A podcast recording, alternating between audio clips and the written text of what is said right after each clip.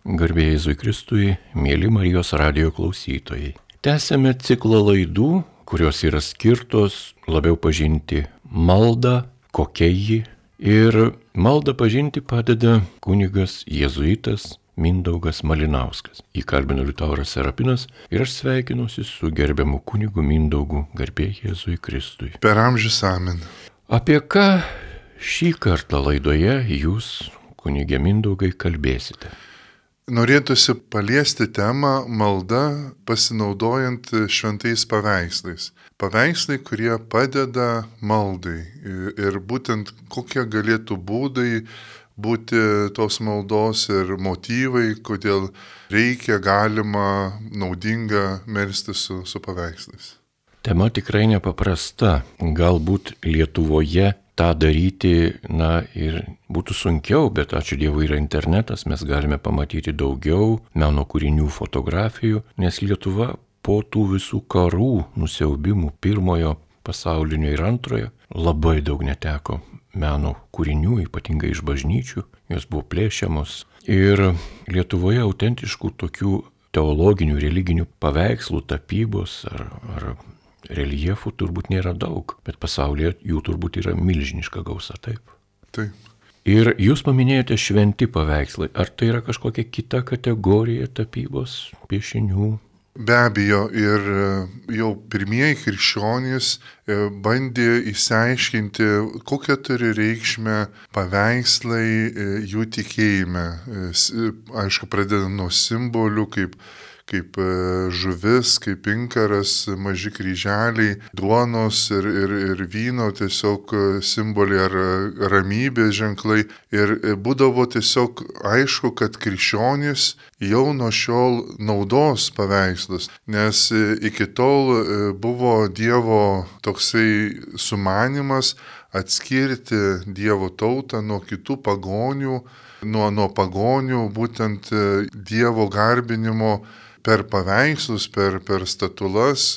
Tiesiog Dievas uždraudė naudoti paveikslus, nes pats Dievas buvo iki to laiko nematomas, iki to laiko buvo tik tai girdimas ir buvo kaip ugnis, kaip, kaip griausmas, kaip, kaip išgyvenimas. O tačiau buvo labai smulkiai aprašoma, kokia turi būti šventykla, iki detalių, iki pat, iki smulkiausių, tiesiog preciziškai turi būti Ir netgi kasinėjimai rodo, kad sinagogos, šventyklos buvo visada išmargintos kažkokiais tai simboliais, kažkokiais tai tokio grino visiškai nebuvimo, jokių ženklų nebūdavo niekada.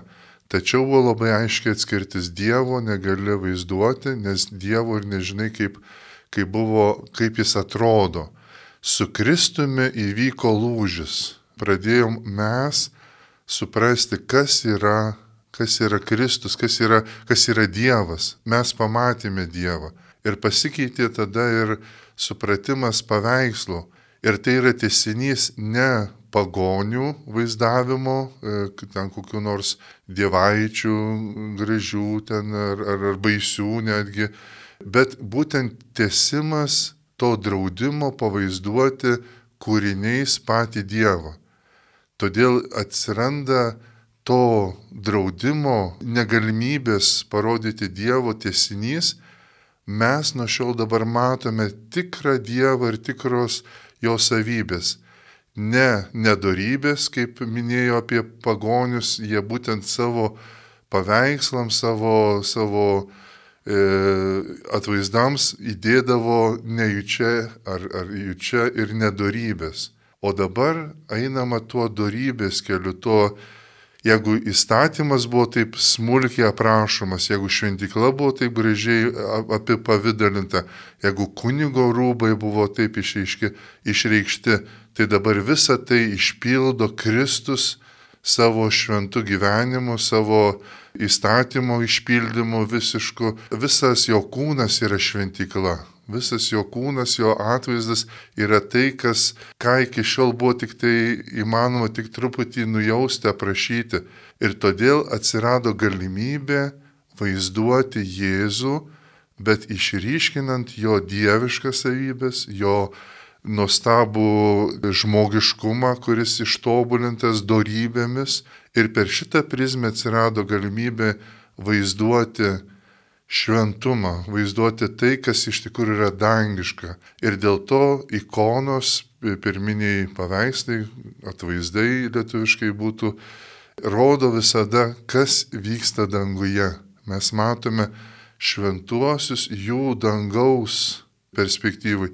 Ir ne mes esame stebėtojai ir manipuliatoriai tų atvaizdų, kad čia mes kažkaip paveiksime, kažką tai darysime, o kaip tik mes esame veikiami per šitus simbolinius ir labai konkrečias netgi kanoniškas taisyklės, nes, nes norėjo pasiekti patį patį įmanomą tobulumą, koks yra tikrasis Jėzaus veidas, koks yra tikrasis šventumo veidas su labai konkrečiom taisyklėm, kurios, kurių laikomasi buvo ilgą laiką ir dabar tebesilaikoma, tik tai jau įgavo daugybę interpretacijų, daugybę niuansų ir būtent e, laikomasi to, kas, kas yra kaip kanas, kaip šventumo išraiška. Ir todėl e, mes esame tie, kurie dangaus stebimi ir vertinami ir leidžiame mes dangui žiūrėti į mus. Mes galiausiai esame paveikslai, kas ir yra Dievo paveikslai ir panašumas mūsų. Ir, ir tada įvyksta tada šitame susitikime, konkrečiam laikė, su konkrečia priemonė būtent paveikslu, mes keičiami dangaus čia ir dabar. Mes tampame vis panašesni į dangaus paveikslą, vis tampame tai, kas turime būti. Mėly radio klausytojai, šiandien laidoje kunigas Mindaugas Malinauskas pasakoja, kaip galime melstis su paveikslais kartu, juos žiūrėdami, juos kontempliuodami, mąstydami ir suprasdami. Gerbiamas kunigė Mindaugai, man yra tekę matyti atrestauruotą altorių gentę. Tai yra flamandų tapybos šedevras, be jokios abejonės. Ir iš priekio žiūrint į tą altorių, tai jis be galo gražus, tai yra viduramžio epocha, nepaprastos spalvos, šventųjų veidai, charakteriai, visa teologija parodoma iliustratyviai, kad žmogus galėtų suprasti. Teko matyti ir antrąją pusę altoriaus. Nesakysiu, kas ten yra, bet geriau į tą antrą pusę be angelo savo neikite žiūrėti. Yra parodyta ir anoji pusė. Ne tik ta šventųjų bendruomenė, bet ir nešventųjų.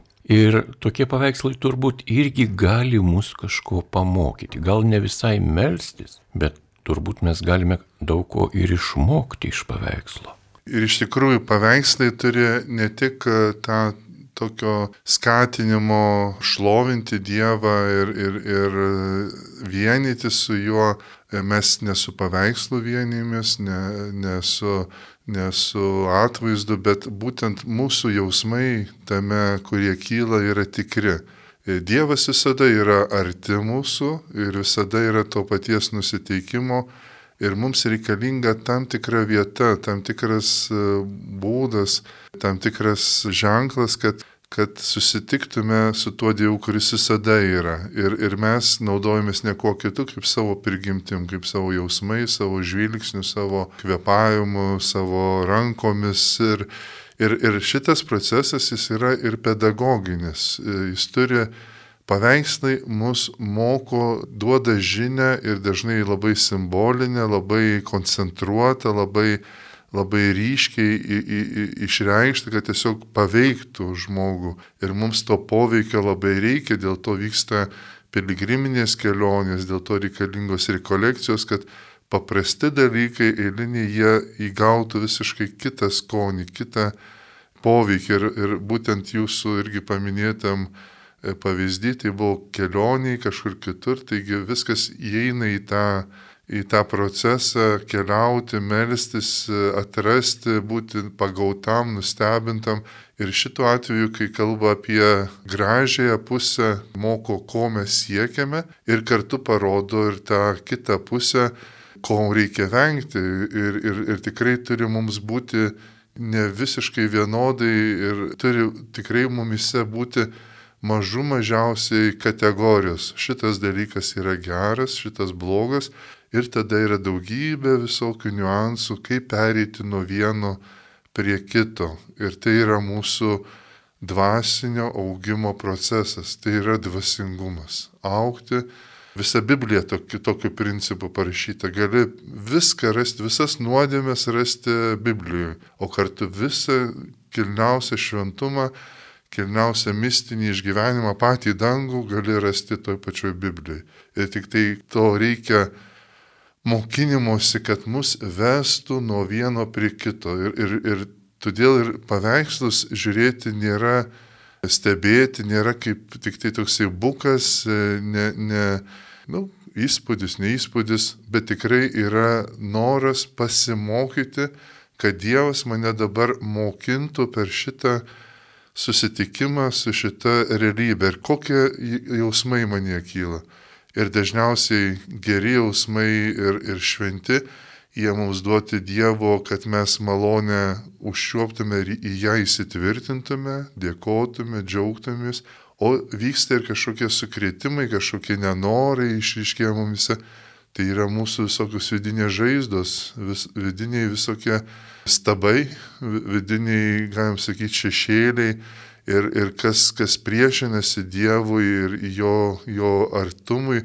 Todėl mums reikia irgi užčiuopti, kas, kodėl suveikia tai, ką tai man primena, kokios situacijos gyvenime aš dar ne, nesu atmendęs, kur dar stringa. Ir čia man padeda būtent ignaciškas dvasingumas, kurį, kurį jezuitai naudoja, būtent yra visa pratybų paletė.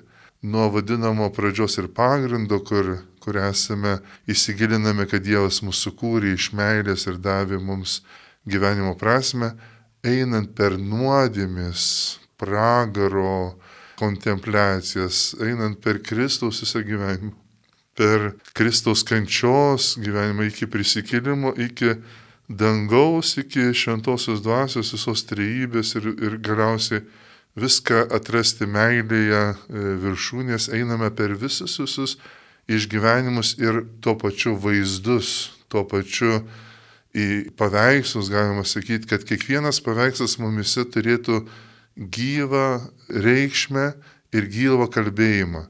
Juk, pavyzdžiui, galima atkreipti patys dėmesį, turime Dievo kokį tai nuojautą. Nu, tarkim, gailestingumo paveikslas mums labai gerai atskleidžia, arba gal matėm vaikystėje kokį nors gražų paveikslą ir mums asocijuojasi va tą Dievo, net jeigu ir nematom, bet širdį jaučiam, kad Dievas kažkaip tai panašiai į jį.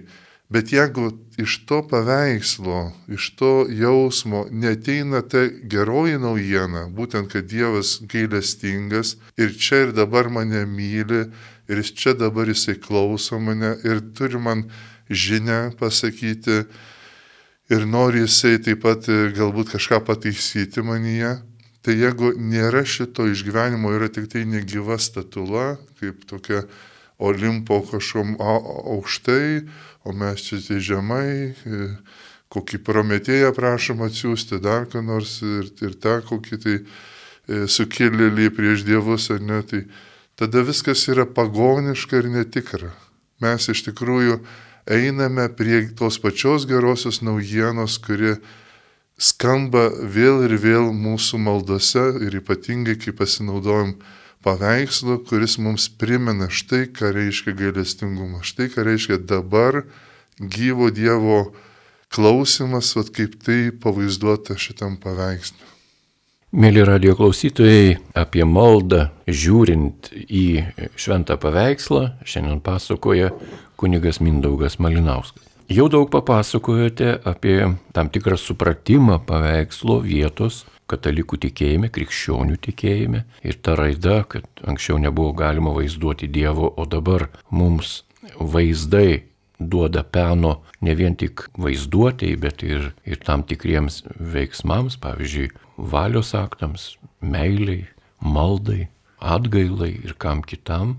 Nepasakysiu didelės paslapties ir nieko nepažeisiu kanoniškai, sakydamas, jog sutvirtinimo sakramento išvakarėse, kai ėjau prie susitaikymo sakramento, prie išpažinties, tai atgalą man kunigas liepė atlikti prie Maksimilijono kolbės, reiškia šventojo Maksimilijono kolbės atvaizdo altorinio. Ir tuo metu aš nieko nežinojau apie tą Maksimilijoną kolbę su akinukais tokiais apvaliais, bet supratau, kad tas žmogus yra kažkoks ypatingas. Ir va ta sutvirtinimo tokia malonė, kad kartais tavo asmeninis gyvenimas gali kažkaip papilnėti, prasiplėsti, įgauti daugiau erdvės, daugiau matavimų, kai tu pažįsti šventą paveikslą, pradedi suprasti, kas jame yra. Turbūt tai yra didelė vertybė. Ar visi žmonės tai gali patirti, ar visi gali melstis su paveikslais. Labai ačiū, kad paminėjot Maksimilijoną Kolbą, kaip tyčia skaičiau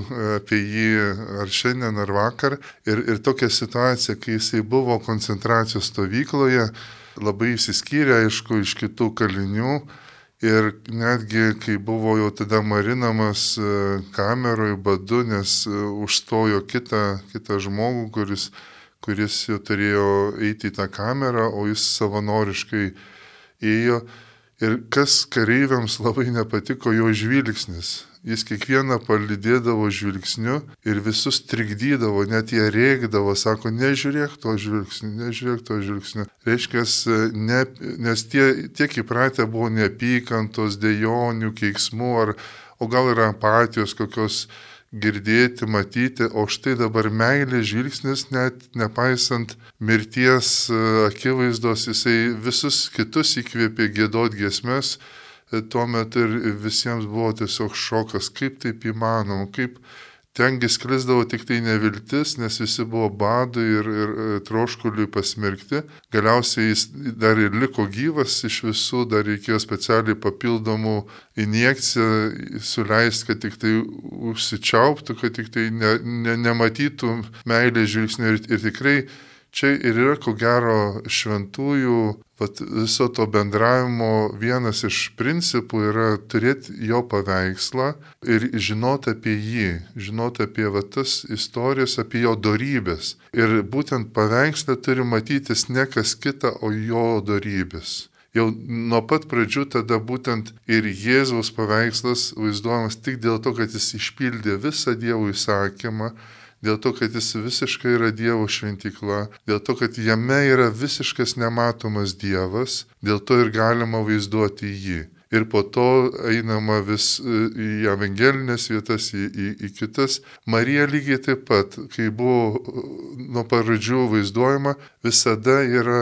nusikreipusi į savo sūnų Jėzų. Niekur nėra nie vieno paveikslo, kur Marija nebūtų žvelgianti į Jėzų nes jinai yra visiškai Jėzaus ranka, netgi ikonose rodo, ta, kuri rodo kelią, ta, kuri užjaučia, ta, kuri myli. Net jeigu ir Jėzaus nėra pavaizduota paveikslą, jis yra.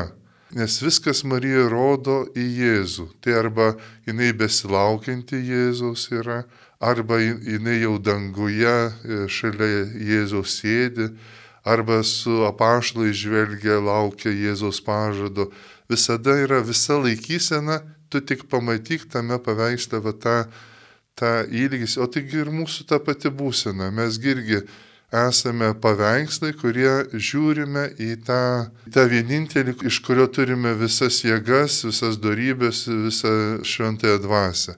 Taigi ir paveikslų tada būtų paskirtis parodyti, kaip mes kaip rodiklės šventieji, kaip rodiklės į dangų, kaip kaip tie, kurie rodo į tą nematomą pasaulį. Ir, ir tada, kaip tada grįžtam prie pačios pradžios, kaip kad šventikla rodydavo Dievo artumą, kaip e, knygos rodo artumą.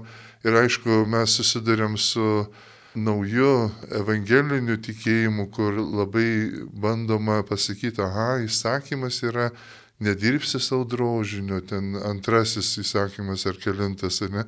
Ir iš tikrųjų mes nedirbam drožinio, netikime, kad tame drožinėje gyvena Dievas, nu, taip nebūna.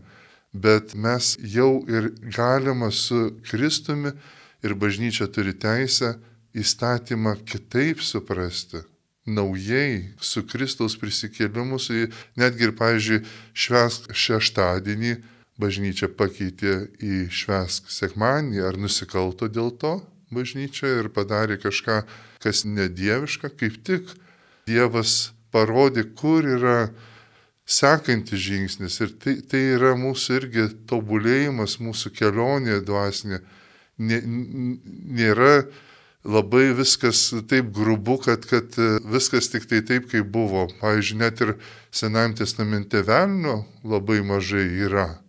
Netgi tas velnės toksai netgi draugiškas kažkoks. Tai ką dabar, jeigu laikysiesi tokio velnio supratimo pagal tik Seną testamentą, tai kas čia bus? Tad gaunasi bėda. O vis dėlto supratimas auga ir, ir Dievas mums apreiškia vis gilesnė savo paslaptis, o su sunumi atsiskleidžia viskas. Atsiskleidžia visa pilnatė Dievo sumanimo. Ir, ir, ir ypatingai tada dėl tų paveikslų. Juk visur yra mūsų vaizduoti, net ir jeigu ir koks nors evangelinis žmogus, jisai paims Bibliją, iškels aukštai, sakys, štai kur yra tiesa. Argi jis ne tą patį daro paveikslą, kad vat, per šitą Dievo žodį, kuris surašytas, kuris įgavo tokią formą, kuri bendruomenė užrašė, katalikiška ir su, sukūrė šitą e, Bibliją įkvėptą Dievo kalbėjimo, štai vat, ir mums duoda, a, va šitam žodėje Dievas atveikia. Arba teik šventoji dvasia keliam rankas į dangų. Visur yra vaizduoti, visur yra jausmai, visur yra žmogiškumas. Tik tą žmogiškumą reikia teisingai nukreipti į darybių pasaulį, į tą, kas augina E, žmogų tikrai į paklusnumą Dievui ir nuolankumą, o ne į susireikšminimą, ne, ne vien tik tai savo gerą jausmą, o nieko bendro neturinti su patarnavimu, su, su meile ir, ir atkreipimu dėmesį į, į mažutėlį kaip į Kristų šalia tavęs.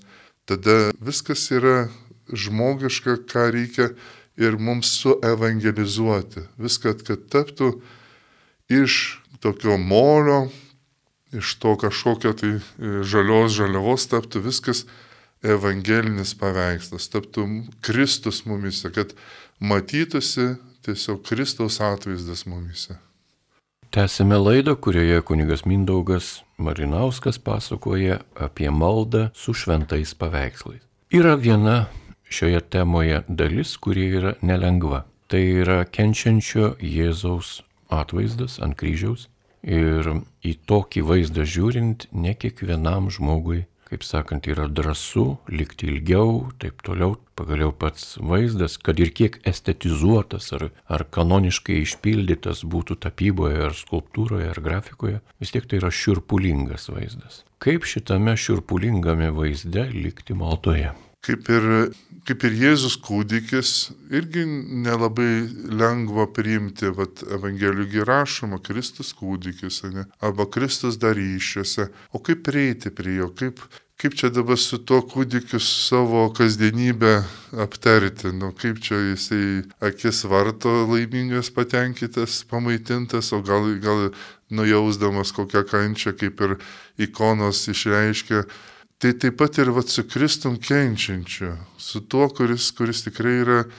išskirtiniai situacijai. Ir, ir ačiū Dievui, šventas raštas mus pamoko, kad tose momentais ypatingai Marija yra šalia. Jis, kai jau Jėzus suprantamas, toksai įprastas, Marijos kaip ir nesimato. Kai tik tai Jėzus toks nesuprantamas, dar netėjo mano valanda ir dar kas nors kenčiantis, tikrai Marija čia pat ir jinai gerai pamoko jos laikysime, kaip priimti, kaip, kaip vienyti savo kančią su tuo, kuris kenčia. Taigi, pirmiausiai, Jėzaus kančia nėra to neteisingumo, to blogio pasaulio vaizdas arba simbolis, ar net tarsi va, pasaulio blogybė, tai yra Kristaus kančia, Kristaus kryžius. Tarsi gali pasakyti, tai va dėmė, va čia yra dėmė, čia yra, čia yra žaizda, čia dar ką nors. Bet ne, Jėzus prisėmė visas tas blogybės savo noru, iš savo kilnaus šventumo kaip auka už mus. Nuodėmė e, turi tokią kainą, kad reikia mirti. Mirtis yra nuodėmės kaina. Ir štai Jėzus, kaip išpranašauta Izaijo pranašystė, jis pasėmė mūsų negalės, pasėmė mūsų kančias, jis nusižemino iki mirties, iki kryžiaus mirties, tiesiog nuėjo į pačius pragarus, į patį žemiausią tašką ir viską ant savęs susikrovė, visą negražumą, visą bjaurumą, kad savyje, savo kūne, savo kryžyje viską perkeistų. Ir tai, ką mes jau matome, tai tarsi ir dar mūsų blogis, o jau yra perkeistas į, į auką, į išganimo auką, jau, jau yra gyvybės medis čia pat. Dėl to ir kryžiaus supratimas kito nuo Jėzaus, kuris tiesiog vos ne atletas, raumeningas, kuriam nieko nereiškia čia kažkokie pagaliukai, kokia ten kančia, nes jis yra visatos valdos. Po truputį kito supratimas, kad palauk, ogi tai auka, tai yra savanoriškas sunaikinimas. Tai ką tai reiškia? Jėzus netgi rodomas silpnas, visas e, išsilenkęs, labai kančios paliestas, netgi iki gali būti iki skaudžiausių momentų, iki skausmo, agonijos perimto, iki mirties. Tikrai miršta. Šitas žmogus, šitas Dievas įsikūnė žmogum tikrai mirė. Atsuko savo žandą iki galo, atsuko savo savo širdį pilnai perverimui, kad neliktų jokių abejonių, kad čia tik suvaidinta, tik tai, tik tai šiaip savo, tik tai iliuzija, tik tai netikra, o tikrai miršta Dievas už žmogų, kad žmogus būtų išgelbėtas. Ir va tas išgelbėjimo momentas, tas perkeitimas mes ir matome. Grinoji meilė, kryžius. Nors gali tada, jeigu lieki su savo kančia ir savo blogiu, ir ne vienį su, su Kristaus auka, nu tada, tada tik blogišia. O kai jau žinai, kad tu turi atiduoti, vienintelis, kuris tavo kančią priims, vienintelis, kuris supranta, ką reiškia kesti, vienintelis, kuris ir užsikrovė visas mūsų kančias, dar mums net nenusidėjus, dar mums net nebus sukurtiems, o jau viską Dievas padarė dėl mūsų. Tai kaipgi neprimti šitos aukos už mus visus, kad mes būtume išganyti ir turėtume amžiną gyvenimą. Tai yra mūsų dangaus vartai, tai yra gyvybės medis, kur, prie kurio ne, nepriraido Adomo ir Jėvus, kad jie turėtų visą gyvenimą laiko pasitaisyti, suprasti, kad be gyvybės medžio, kuris yra Kristus, neįmanoma grįžti į rojų. Norisi dar paliesti vieną temą, kuri yra kaip antipodas tam, ką kalbate jūs, kunigė Mindaugai, temoje malda su šventaisiais paveikslais. Pasitaiko, tikrai pasitaiko ir daugam turbūt pasitaiko į rankas pakliūna ir netinkamo pavyzdžio. Paveikslai, kurie yra, sakykime, priskiriami religiniams paveikslams. Pavyzdžiui, Velykinis paveikslėlis, kur virš kiaušinio yra prisikėlusio Jėzaus figūra. Nu, mes galim pasijuokti, aišku, tai juokinga, bet kažkas sugalvoja, menininkas nupiešė, gal ten sumontavo kažkas tai tą nuotrauką su kokia programėlė ar dar kažką pasitaiko tokių keistų paveikslėlių. Jų tikrai būna. Kaip tuomet elgtis, ką su jais daryti? Nu, galiu dar papildyti tų paveikslėlių sąrašą. Gali būti visokie ezoteriniai paveikslėliai, kur tam tikrą energiją skleidžia šitas paveikslėlis, tam tikrą turi aurą, tam tikrą e, dažnį kokį tai, ar, ar įkrovą, ar dar kaip čia pasakyti, viskas labai fizikiniai dėsniai, kurie labiau material, materialios tikrovės išraiška negu dvasinės. Bet štai arba būtinai šito paveikslėlio turi pasikabinti kambarį arba vat, priekeiviai visada pasikabina paveikslą net ir gražų ir, ir gilestingumo paveikslą, kad priekyba būtų apsaugota ar ne. Nu ir kažkokio būdu tikrai viešpats e, rūpinis savo mažutėlis. Bet vat jau pagonybės tas apraiška kažkokia, kažkoksai kičas, kažkoksai, kažkokiu prietaru, kažkokiu tai, nu tik tai kažkoks, nežinau, vanduo nuo kisėliaus tikrai pasitaiko, nu ir, ir tikrai mūsų išprusimas, tikėjimas turi tikrai kalbėti, o ar tikrai tavo Dievas yra toks, ar tikrai čia apie, apie tą tikrą evangelinį Dievą, apie bažnyčios mokomą, die, mokomą Dievą e, kalbama ar apie, apie kažkokį tik tai, nežinau, prietarų ir, ir, ir, ir kažkokiu tik tai simbolių, nežinau, vos nekiškis e, galingesnis už, už Kristų, ar, ar kiaušinis e, svarbiau už Kristaus kapą. Nu, vėl, tai tiesiog suprasti, kokia yra jų vertė tų paveikslų ir e, nemokantį pamokyti, jeigu kitas laiko tai kai labai svarbų dalyką ir, ir, ir kartu O gal žmogus nuo to pradės tikėti. Aš, aš atsimenu tokią situaciją, žmogus visiškai buvo netikintis ir, ir ten tiesiog ateistas iki žiaurumo, tiesiog net gali savo leisti bet kokio gyvenimo būdą. Bet kai pradėjo tikėti reinkarnaciją, jis taiga pasikeitė. Jisai sukluso, pradėjo gal, gal mėsos nevalgyti, gal dar kažko jau žiūrėkiau ir elgesys truputį keičiasi toli gražu iki gyvojo Dievo, iki tikros religijos, bet jau kažkas vyksta.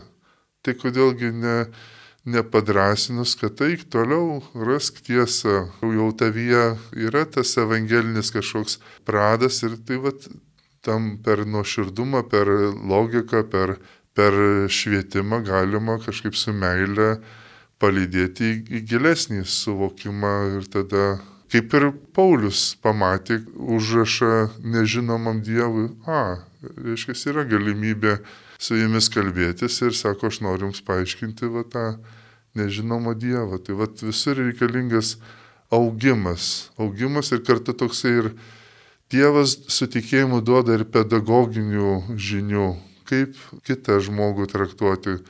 Neužtenka vien tik griežtai liepti, tu tikėk teisingai o visur kažkoks palidėjimas, kažkoks toksai meilė, užuojauta ir, ir padrasinimas gali duoti visai gerų vaisių. Dėkojame Mindaugai už pasakojimą, kuris, e, manau, daugeliu žmonių bus tam tikras įkvėpimas, įkvėpimas pažiūrėti į maldą plačiau, neprisirišti prie tų visų, sakykime, formalių dalykų ir prie paveikslėlių, kartais juos žmonės pradeda labai, na, kaip pasakyti, ypatingai gerbti paveikslą, prisiriša prie kažkokio daikto, daiktiškumo, bet kaip apibendrinti šią laidą, kuri skirta meiliai, Dievui, pokalbiui su juo, maldai kartu su šventų paveikslu. Iš tikrųjų gerai turėti mylimus e, tokius paveikslus, kurie tikrai tai ugdo, nes yra tikrai sunkių momentų, yra pagundų, kodėlgi negriepti į ranką kryžių ir, ir, ir, ir ką darė šventieji per amžius, kodėlgi ne, nepakelta akis į, į šventą paveikslą. Visą tai ir ugdo ir mums padeda kovoti su, su piktaja dvasia, su mūsų pačių pasimetimu, o, o kartu įkvepia nu, kilnesnių tiesų. Mums reikia turėti viziją šventumo, mums reikia turėti viziją ir jos nepaleisti ir dangaus, o tai yra paveiksluose užfiksuota ir gerai turėti savo aplinkoje, tada šventą vietą, tokią, e, tie tarybiniai bufetai labai padeda, ar ne, ir galima tiesiog įrengti vietoj tų servizų, kurių ir taip nepanaudosi, padaryti vieną šventą vietą ir, ir kažkokį tai į, į, į paveikslų, kur įkvepiančių šventumą, pamaldumą žvakę. Be abejo, tai ir pati žvakė yragi paveikslas dieviškos ugnies ir išminties. Kažkur ortodoksijoje yra kampe padaryti būna tokie šventos vietos ir, ir netgi dienos metu nusilenkiama. Žinau, kad kiti išeinant, įeinant, ant durų yra pasikabinę kokį šventą paveikslą ir, ir jį ar paliečia, ar net šasto vandens parsineša iš bažnyčios, persižegno išeidami ir grįždami. Taigi visa tai yra ūkdoma tokį, kad mūsų kasdienybė yra irgi dvasinė. Ne tik, va čia gyvenu kažkokį pasaulio gyvenimą belė kokį, o bažnyčia jau ta vieta kad e, tegu būna mūsų aplinka irgi su šventais ženklais, su šventais paveikslais, kurie primena, dangus yra čia ir, ir mums reikia užmėgsti su gyvoju Dievu ryšį, visą tai parodo. O taip pat toks padrasinimas ir atsakingiems už bažnyčias, kad jų nepadaryti tik tai traukinių stotimis, kur gražus balkiai ir, ir konstrukcijos, o paveikslų nebelieka ir, ir tada stebiesi, kodėl bažnyčia jaučiasi kaip traukinių stoty, nes, nes taip viskas ir pavaizduota. Tad neišvengti tiesiog būtiniausių elementų ir nesumoderninti ar pseudomoderninti iki tokio, kad ten nežinai, ar čia, ar čia kokia nors daiktas, ar čia šventas asmuo pavaizduotas, o tikrai išlaikyti visus kanonus, ko, gero gal netgi ir atnaujinti e, pirmų amžių ikonų tradiciją, kodėlgi ne, tegu, tegu tai, kas e, ilgus amžius kovota ir, ir, ir netgi įvykę tokių įvykių ikonoklastų, e, naikinimo visų paveikslų, taigi visokių etapų praėję, taigi išlaikyti tai, kas yra tikrai pagalba eiti šventumo keliu ir, ir tuo pasinaudoti. Dėkojame Jums, gerbiamas kunigė Mindaugai. Mėly radio klausytojai, Jūs girdėjote laidą, kurioje apie maldą su šventaisiais paveikslais, pasinaudojant jais, pasakojo kunigas jėzuitas Mindaugas Malinauskas. Likite ir toliau su Marijos radiju.